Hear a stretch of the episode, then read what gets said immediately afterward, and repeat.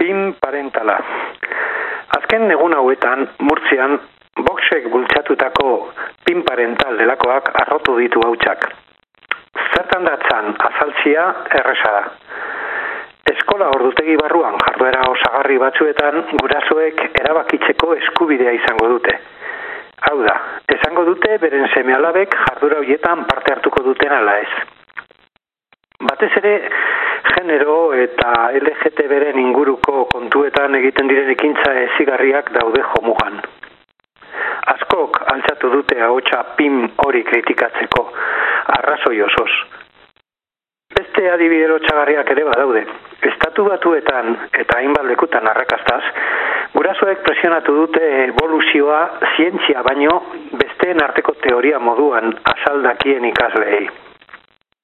Azken batean, familia horiek defenditzen dutena zera da. Beren sineskerak eta ideologia dutela eta eskubidea dutela seme alabak hoietan esteko. Gurasoek nahi duten hezkuntza erabakitzeko eskubidea azken batean. Noski, guraso guztio saiatzen gara seme alabak gure baloretan eta pentsaeraren arabera ezten. Naturala da. Beste gauza bat da hori izatea ume eta gaztetxoek hartu behar duten eragin bakarra. Kontua da ume horiek beste realitate asko ere ezagutu behar dituztela. Beste ahotsak, beste esperientziak eta hoiekin guztiekin aberaztu.